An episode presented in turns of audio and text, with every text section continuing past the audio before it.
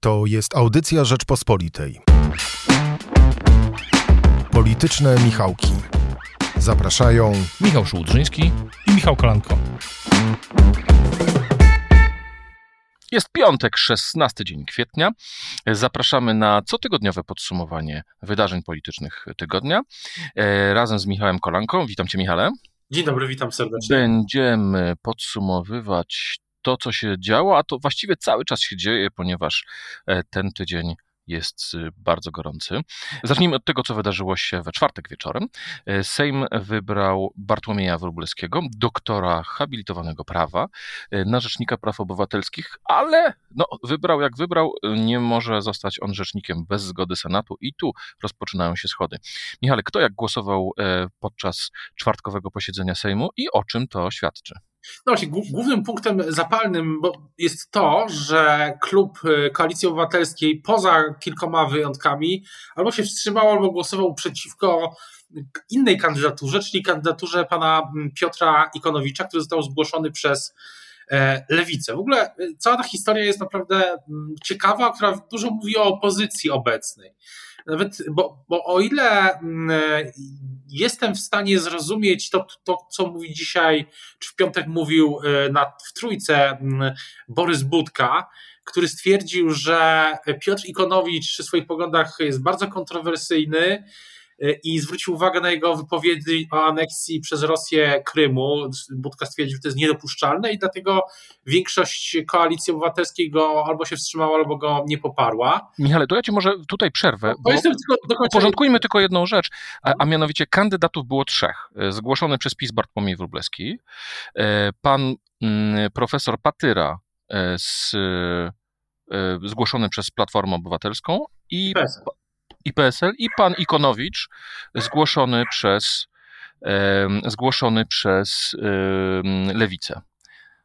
I e, wczoraj oczywiście, e, no właśnie tak jak mówiłem, głównym punktem zapalnym jest to, że y, koalicja nie poparła Ikonowicza. I, A jak wiem, głosowała Lewica, czy Lewica poparła kandydata e, Koalicji Obywatelskiej? No, co pamiętam, to, z tego co pamiętam, to właśnie tak. I to jest też, i nawet PSL poparło, a z drugiej strony PSL e, Ikonowicza w większości poparło, więc e, te, te linie, linie się ułożyły dosyć no, w taki skomplikowany sposób. W, w każdym razie ten, no, jest dzisiaj znowu taki klimat, no nie wiem, jakby to ująć, kaca E, na opozycji po tych głosowaniach. Ale, ale jest Opozycja inna... zamiast y, wojować z PiSem y, kłóci się ze sobą. No tak, no to na Twitterze, y, zresztą kłótnie na Twitterze to ostatnio jest modna sprawa, głównie w Zjednoczonej Prawicy. E, na przykład, hej Platformo, to jest według Was współpraca opozycji. Lewica nie miała problemu, aby poprzeć Waszego kandydata na RPO, a Wy zagłosowaliście z PiS przeciw naszemu słabo. To jest wpis pani poseł Janny Schering-Wiergus. No i padało właśnie oskarżenia o hipokryzję. E, rozmawiałem w piątek z e, posłem lewicy, panem Krzysztofem Śmiszkiem. Polecam rozmowę, bo też dużo kulisów ujawnia też rozmowa w programie Rzecz o Polityce. No i właśnie mm, do tego chciałem przejść, że poseł Śmiszek zwrócił uwagę i ja też e, o tym słyszałem, no, że generalnie były w ramach opozycji takie rozmowy, żeby już teraz wy, wy, kogoś takiego bardziej, nazwijmy to, centrokonserwatywnego wspólnie, wspólnie wystawić i w ten sposób no, próbować zaszachować jakąś tam część Zjednoczonej Prawicy. No, tak się nie stało. No i poseł Śmiszek mówi, że to przez, że to generalnie no, e, po prostu rozmowy z, z, zmarły, y, z, wygasły i wskazuje, nie, nie jednoznacznie wskazuje, że to z winy największej partii opozycyjnej. Dlatego też opozycja, tak jak wspominałeś, miała dwóch e, kandydatów, e, a nie jednego. I, e, no i doszło do tego, co doszło. Powiem szczerze, w tym sporze mam wrażenie o Piotra Ikonowicza. Rozumiem argumenty Platformy Obywatelskiej. Można znaleźć na, na, na Facebooku śledztwo dziennikarskie w wykonaniu pana Marcina Reja, który no, opisał tak naprawdę kontrowersyjne towarzystwo pana Piotra Ikonowicza. Jedną z osób, które, które, które, e, z którymi współpracował blisko Piotr Ikonowicz, nawet zakładał z nim swego czasu partię, e, był pan Mateusz Piskorski. No, wiemy doskonale, że to były działacz samoobrony, który został aresztowany pod zarzutem szpiegostwa na rzecz Rosji i działania na rzecz Rosji. Wspomniałeś to, co mówił Borys Budka o wypowiedzi wypowiedziach y, dotyczących Krymu. To, co Rej pokazywał w sieci, to były zdjęcia z manifestacji pod syryjską ambasadą poparcia dla reżimu Bashara al-Assada.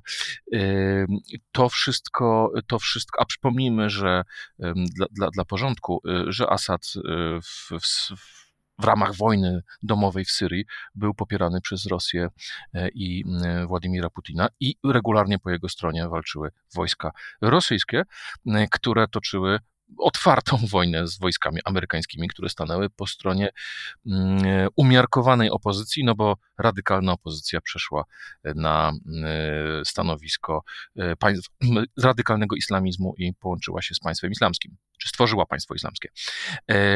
Ale i w tym sensie rzeczywiście Mam wrażenie, że Piotr Ikonowicz był postacią kontrowersyjną, ale równocześnie no nie zapominajmy o tym, e, że e, to nie pierwszy raz, gdy opozycja ma kłopot e, z swoim kandydatem na Rzecznika Praw Obywatelskich wspólnym.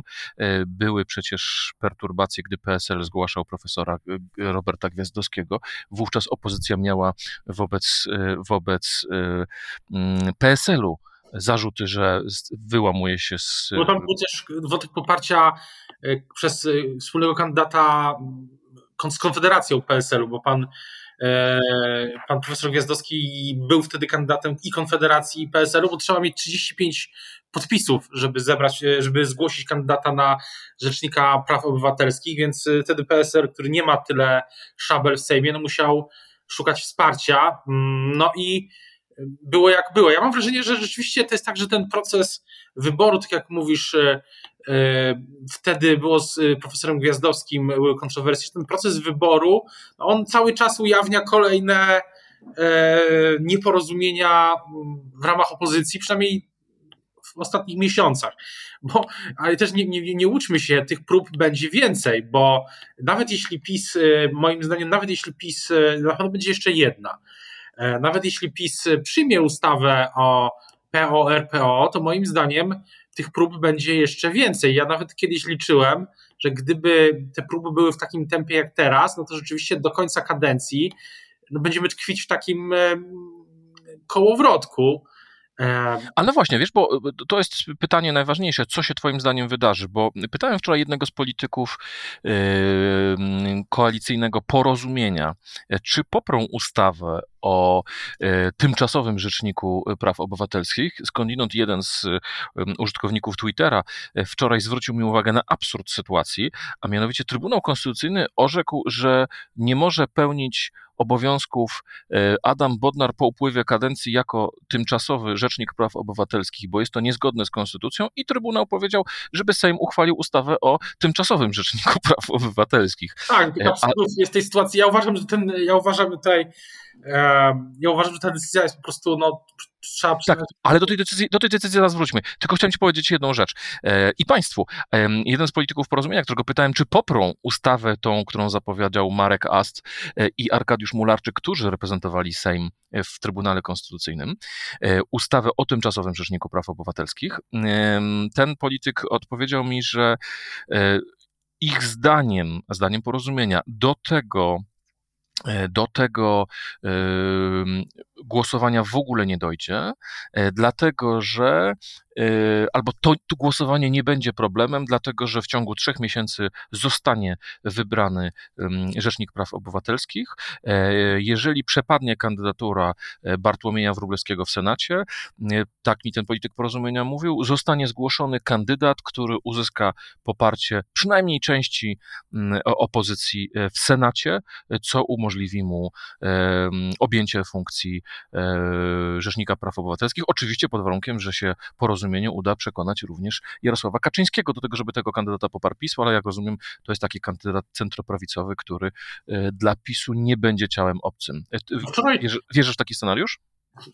Trochę tak, a trochę nie, bo tak, po pierwsze wczoraj w czwartek Borys Budka mówił do Jarosława Gowina, że teraz, że teraz niech tu będzie wspólny kandydat, ale no, tak to zrozumiałem, że chodzi o to, żeby to platforma, czy koalicja, opozycja, nie wiem, kogoś wybrała i żeby Gowin go poparł, a nie żeby Gowin kogoś wskazał, zgłosił i też, żeby ta opozycja go poparła. Tutaj wczoraj redaktor Michał Olech z portalu Czysta Polityka e, zwrócił uwagę na jedną, przytomnie jak zawsze, na jedną rzecz, że porozumienie nie może samo zgłosić kandydata na RPO, bo nie ma tylu posłów. Y, bo ma tylko... okazji doktora Olecha pozdrawiamy, bo audycja polityczna Michałki to audycja, w której chwalimy wszystkich Michałów. Tak, wszystkie, wszystkie, wszystkie Michały mają tutaj nasz, mają tu swój dom. Natomiast, natomiast to jest oczywiście, mm, to jest, jasne, to jest trafna, mm, trafna obserwacja. Jarosław Gowin no, musiałby wtedy mieć poparcie, nie wiem, PSL-u, może w takiej formule, jak mówił mi wczoraj w wywiadzie jest e, z Piotrem Zgorzewskim w Rzeczpospolitej, Hadecja Polska już by się narodziła, no bo... Polecamy zresztą ten wywiad, ponieważ choć e, wyrok Trybunału Konstytucyjnego troszeczkę e, przyćmił to, co mówił Piotr Zgorzelski, to jednak po raz pierwszy chyba tak ważny polityk PSL-u tak otwarcie powiedział o tym, że sojusz PSL-u i Gowina pod szerokimi skrzydłami ugrupowania o nazwie Hadecja Polska, czy pod roboczą nazwą Hadecja Polska jest, le, leży na stole.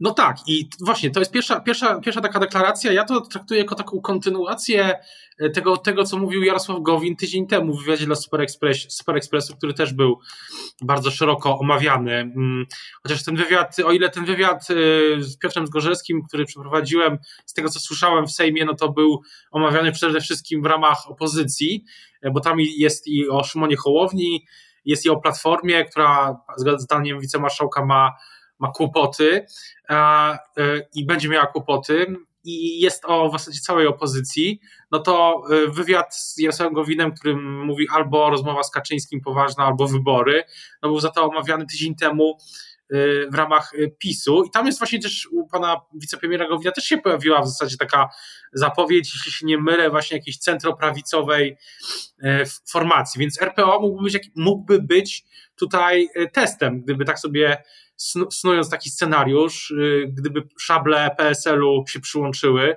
no to już byłby sygnał, że to jest coś więcej niż tylko takie plany, bo rzeczywiście Jarosław Gowin sam zgłosić kandydata na RPO nie może.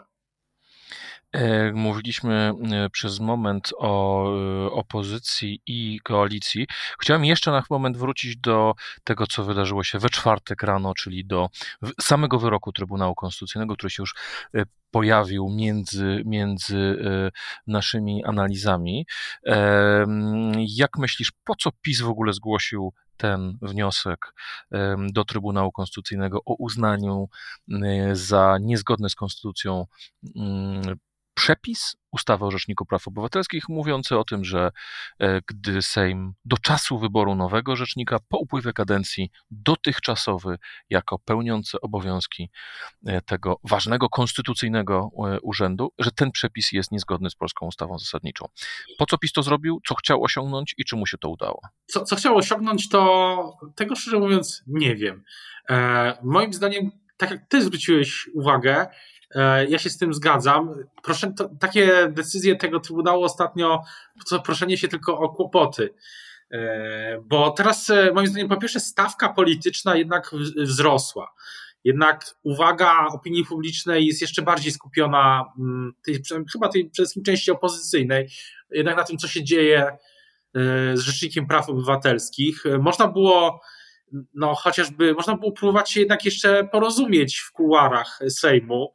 E, i spróbować wybrać po prostu kogoś wspólnie. No wiem, że to brzmi abstrakcyjnie w obecnej, niestety, w obecnej sytuacji, no ale może, może nie wiem, właśnie na ziemi neutralnej, na przykład w gabinecie marszałka Zgorzelskiego, można było się dogadać i cała opozycja może by tego jednego kandydata wtedy nie poparła, ale no, mielibyśmy obsadzone najważniejsze, jedno z najważniejszych stanowisk e, w Polsce, o których, o których mówi jedyne najważniejsze stanowisko pod względem ustrojowym e, w Polsce, na pewno najważniejsze pod względem ochrony praw człowieka, zwłaszcza dzisiaj, kiedy mamy pandemię, kiedy, kiedy te prawa człowieka, czy ogólnie prawa obywatelskie są na wielu płaszczyznach zagrożone przez właśnie no, te, też ten chaos wywołany pandemią. To jest szczególnie ważne. I E, I szczerze mówiąc, nie wiem do końca po co ten wyrok jest. Teoria, którą się spotkałem w Sejmie, jest taka, że to jest po to, żeby zwiększyć presję na Senat, w którym za, za parę tygodni w maju, e, jeśli nie będzie oczywiście jakiegoś przyspieszenia, poseł Wróblewskiego kandydatura będzie głosowana, ale, ale to chyba, jeśli taki był pomysł, to chyba się to skończy od, odwrotnie. No właśnie, bo presja miałaby polegać na tym, że zobaczcie, jeżeli nie poprzecie wreszcie któregoś z naszych kandydatów, e, powołamy e, pełniącego obowiązki mm, Rzecznika Praw Obywatelskich, dlatego że Senat y, musi być zgodnie z konstytucją tym ciałem, które wyrazi zgodę na decyzję Sejmu. Natomiast Senat nie jest w stanie zablokować ustawy. Senat może ustawę o tymczasowym rzeczniku y, przetrzymać 30 dni, może ją odrzucić, ale Sejm może ją potem z powrotem e, przyjąć. No to jest rzeczywiście pytanie, czy w sprawie, w sprawie takiej ustawy nie obudzić, e, przepraszam, nie, nie zgłosić swoich e, zastrzeżeń Pałac Prezydencki. Myślę, że scenariusz już znamy. Najpierw najpierw będzie ustawa, a później w którymś z programów, zwykle to są te jedne z niedzielnych programów, przedstawiciele prezydenta są pytani o o to, co myślą o tej ustawie. Wtedy mówią, że prezydent jeszcze jej treści nie poznał i, i wtedy zaczyna się, albo mówią, że będzie się głęboko zastanawiał, albo, albo nie. No i kto wie, może nagle okaże się, że, że prezydent się nad tym też będzie zastanawiał. Trzeba by też zapytać, może mm, zrobimy to, Pałacu Prezydenckiego, co tam, co sądzi o tej, o tej, o tej ustawie, której treści oczywiście jeszcze nie znamy. No ale nie chcę tu być Rozumiem, rozumiem, że pijesz do ustawy o piątce dla zwierząt, bo jeżeli dobrze pamiętam, ta ustawa wciąż wisi. To znaczy zgłosił do niej poprawki Senat, ona wróciła do Sejmu, E, Senat ma 30 dni na poprawki, mm, e, na zgłoszenie poprawek do ustawy, którą dostał z Sejmu, natomiast Sejm ma nieograniczony czas do tego, żeby się zająć, lub jak w tym przypadku, nie zająć się ustawą, która wróci z Senatu. Jeżeli dobrze pamiętam, właśnie taki jest los piątki e, dla zwierząt. Ona tak, nie wyszła jeszcze z Sejmu. Dla zwierząt, którą prezydent chciał wetować. Myślę, że to weto, ta groźba weta była na tyle silna, że to była jedna, jedna z przyczyn, dla której Sejm ją tak zamroził. E, zresztą moim zdaniem to jest łamanie, łamanie zwyczaju, bo e, to nie tylko zresztą tu zwyczaj został połamany, bo na przykład e, złamany, no bo na przykład weta prezydenta, te, które rzeczywiście zgłosił, a nie tylko zapowiadał zgłoszenie, też nigdy nie były głosowane w tym od 2015 roku, bo PiS po prostu obawia się skądinąd słusznie politycznie, że przegrane głosowania no, by naruszyły jego wizerunek takiej partii wszechmocnej i wszechsprawczej. Natomiast prezydent, rzeczywiście zaczynam się teraz zastanawiać, czy prezydent tak przyklepie, po prostu mówiąc kolokwialnie, taką ustawę o PO, RPO, e, czy, czy właśnie okaże się, że, że tutaj są wątpliwości, no bo jego weto, e, potencjalne groźba weta, gdyby już tak hipotetyzujemy, no jeszcze bardziej by skomplikowała całą sytuację. No i tak jak napisałeś dzisiaj w, w, komentarzu, no to jest, ten wyrok to jest proszenie się o kłopoty, otwieranie nowego frontu, jeszcze bardziej skomplikowanego. Jeszcze będzie zaraz, e, za są stanowiska już, już Unii Europejskiej, Komisji Europejskiej. E, no i e, po co to PiSowi, gdy, gdy, no powiedzmy sobie szczerze, tych frontów zwłaszcza wewnątrz, jest naprawdę wiele. Fundusz odbudowy, czy przepraszam, decyzja o zasobach własnych nie podjęta. Nie wiadomo kiedy, może w sierpniu, może w maju, może w czerwcu, może, może, może w kwietniu, nie wiadomo. E, no, no jest to nowy ład, nie wiadomo kiedy będzie. E, nie wiadomo, e, co z ważnymi rzeczami. No a tutaj kolejny front, którym się będziemy wszyscy zajmować teraz ale frontów nie brakuje, e, dlatego że kolejny został otwarty w Rzeszowie, gdzie mm, doszło do e, nietypowego mm, zachowania, to znaczy Początkowo wszyscy trzej koalicjanci wystawili po jednym kandydacie. Wspólnego kandydata wystawiła e, tak zwana demokratyczna opozycja i zgłosił się jeszcze poseł mm, Grzegorz Braun, usunięty w tym tygodniu z obrad Sejmu siłą przez Straż Marszałkowską, e, decyzją marszałka e, Sejmu za nienoszenie maseczki w sali obrad. Bardzo się na ogół złoszczę, gdy marszałkowie Sejmu z PiSu wykluczają któryś posłów z obrad, bo na ogół jest to decyzja arbitralna, ale akurat w tym wypadku, że rzecznik, y, marszałek postąpił słusznie, posłowie nie mogą demoralizować społeczeństwa.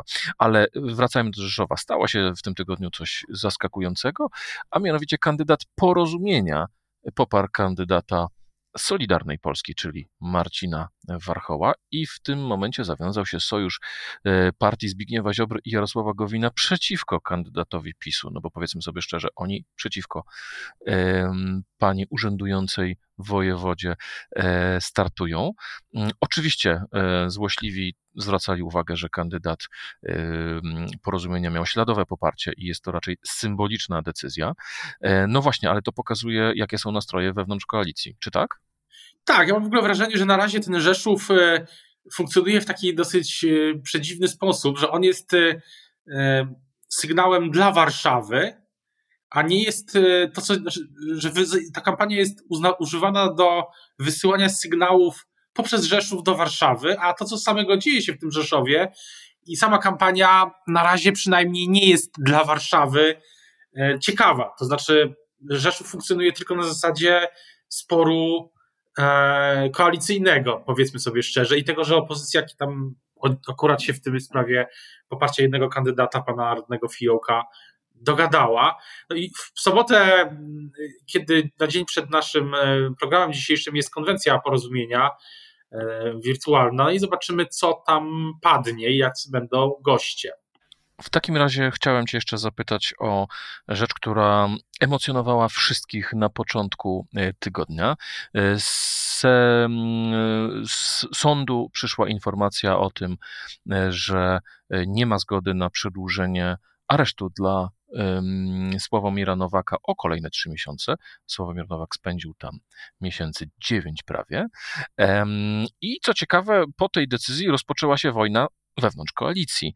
E, na Twitterze niezawodny minister Paweł Jabłoński, który jest głównym, e, głównym wojownikiem w, w, w, w, otoczeniu premiera Morawieckiego, rozpoczął atak na Zbigniewa Ziobrę, pisząc, skądinąd mając rację, że jeżeli przez 9 miesięcy Nowak siedział w areszcie, a prokuratura nie była w stanie zebrać wszystkich dowodów w jego sprawie i teraz chciała, żeby siedział kolejne trzy miesiące e, w tym e, areszcie, e, to znaczy, że prokuratura nie działa dobrze. O co chodzi w tym sporze i czy to jest taki zastępczy spór Morawieckiego z Ziobrą, który prowadzą jego wiceministrowie, bo z Jabłońskiemu odpowiadał wiceminister sprawiedliwości Sebastian Kaleta. W czasie zimnej wojny było tak, że te obie główne potęgi miały w siebie wycelowane tysiące rakiet z tysiącami głowic atomowych, no ale żadna nie została wystrzelona, ale za to były konflikty takie proxy. E, ładnie, ładnie tak w języku angielskim jest takie stwierdzenie proxy war. E, I... Tego dokładnie sformułowania proxy waru użył Wojtek Szacki mm, w, z Polityki Insight, właśnie opisując tę. E, tak, ja mam dokładnie, dokładnie to samo skojarzenie i uważam, że to jest właśnie raczej taki, tak jak powiedziałeś, temat zastępczy. To jest takie starcie, e, które może się toczyć bez większych szkód, ale musi się toczyć większych szkód w sensie e, te tweety, no tam trafiają na portale, no ale to jest Twitter, tak? E, I nie, nie, jest tym, nie jest to zaangażowany premier.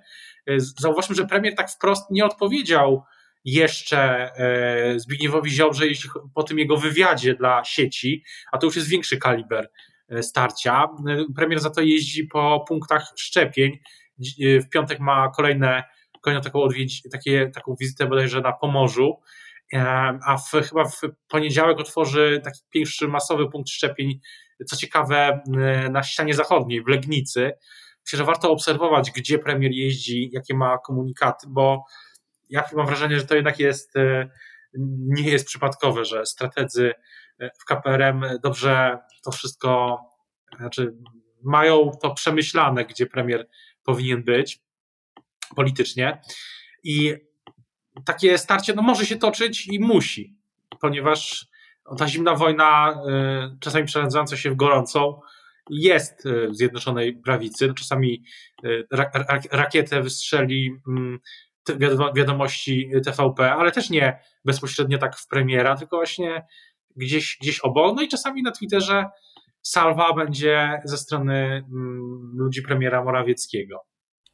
Ale ta cała, cała sprawa Sławomira Nowaka, Twoim zdaniem, bardziej służy PiSowi czy Platformie? Bo e, PiS użył swojego starego mm, e, chwytu e, wiadomości i TVP Info nieustannie mówiły, że to decyzja sądu była podyktowana przez Donalda Tuska.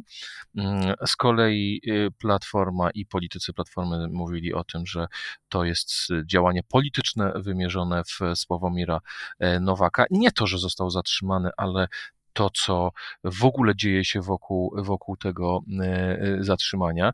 E, przypomnijmy, Zbigniew Ziobro zagroził ujawnieniem całego materiału dowodowego w tej sprawie. Pozwala mu na to obecna ustawa o prokuraturze, ale wygląda na to, że we środę minister Ziobro wycofał się z tego, z tego pomysłu, mówiąc, że miejscem na ujawnienie dowodów będzie sala sądowa. Myślisz, że zorientował się Zbigniew Ziobro, że e, przeszarżował, czy też to taka przemyślana strategia? Tego, tego, tego do końca nie wiem, ale mam wrażenie, mam jedno wrażenie, że ta sprawa jest o tyle nietypowa, że ona dla PiSu jest, ma jeden, tak się wyrażę, benefit. Bo ten benefit polega na tym, na przypominaniu istnienia Donalda Tuska, dla swoich wyborców oczywiście, e, no bo Donald Tusk i Platforma no to są symbole w tej takiej poetyce, zwłaszcza o 19.30, no generalnie całego zła na świecie. Tak? Myślę, że e, myślę, że naprawdę wszystko, co możliwe, jest zrzucane na Donalda Tuska i jego pojawienie się. Przypomnijmy materiały wiadomości, w których zdjęcia Donalda Tuska w, można znaleźć tuż obok zdjęć mm, e, z e, Józefa Stalina, e, no właśnie, Adolfa Hitlera, bo ta nie ma, nie ma granic. granic, wiadomości.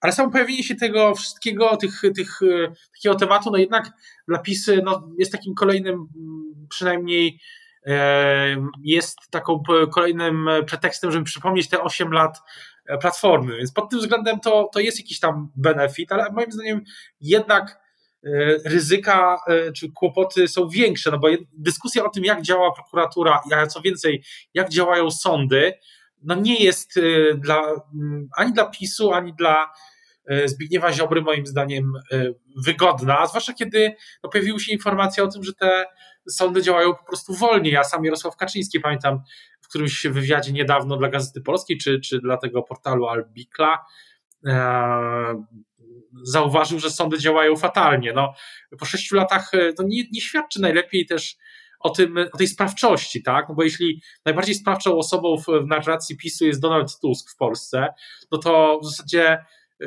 trudno się dziwić też, że, że są te wszystkie żarty na Twitterze, żeby Tusk też załatwił pogodę na przykład. I to, taka narracja o sprawczości Donalda Tuska to, to, to chyba nie jest to, co PiS, tego, czego PiS dzisiaj potrzebuje. Na koniec chciałem Cię spytać, Michał, o jedną rzecz. W zeszły weekend, e, w sobotę, e, kolejna rocznica katastrofy smoleńskiej, 11. Telewizja publiczna emituje film pod tytułem e, Raport końcowy podkomisji smoleńskiej Antoniego Macierewicza. Nie jest to raport jako dokument państwowy, ale jest to, e, jest to film, w którym zostaje przedstawiona e, wizja dwóch wybuchów, które doprowadziły do katastrofy e, polskiego Tupolewa nad Smoleńskiem. No, wydawałoby się, że jest to wydarzenie no, niezwykłe, tak mocno autorytetem podkomisji państwowej postawiona teza o zamachu. E, w dodatku Antoni Macierewicz sugeruje, że ładunki wybuchowe podłożono podczas remontu Tupolewa w Samarze w 2009 roku, kilka miesięcy przed katastrofą. I wszyscy przechodzą nad tym do porządku dziennego. Na początku tygodnia nawet posłowie PiSu do tego się dystansowali, a pod koniec tygodnia już nic z tego nie zostało. Czy to znaczy, że nikt nie traktuje nawet w PiSie Antoniego Macierewicza poważnie? No można, można postawić taką tezę, zwłaszcza, że po raz pierwszy wydaje się tak jawnie w ostatnich, nie w off the record, ale on the record y, przedstawiciele mm, czy politycy, ale też po prostu osoby, y, ludzie, którzy stracili bliskich w, w katastrofie smoleńskiej, y, atakują Antoniego Macierewicza, mają do niego żal. No, najmocniejszym głosem był głos pani poseł Małgorzaty Wasserman, która chce w ogóle audytów podkomisji smoleńskiej i tego, tego wcześniej nie było.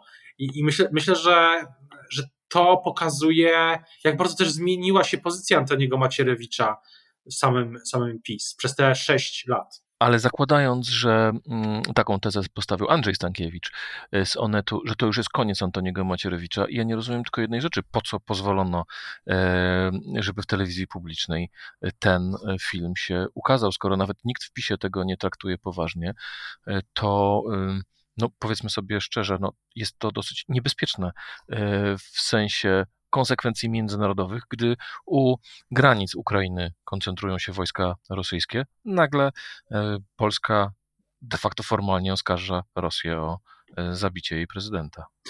Tak, to prawda, to też jest kwestia tego, co dzieje się i dlaczego dzieje się w gmachach e, przy, przy Woronicza i Placu Powstańców, ale i to też jest kontynuacja tej w zasadzie dyskusji z poprzedniego tygodnia o tym materiale wokół Pawła Borysa kto tak naprawdę i dlaczego to się, pewne rzeczy się pojawiają, a niektóre nie.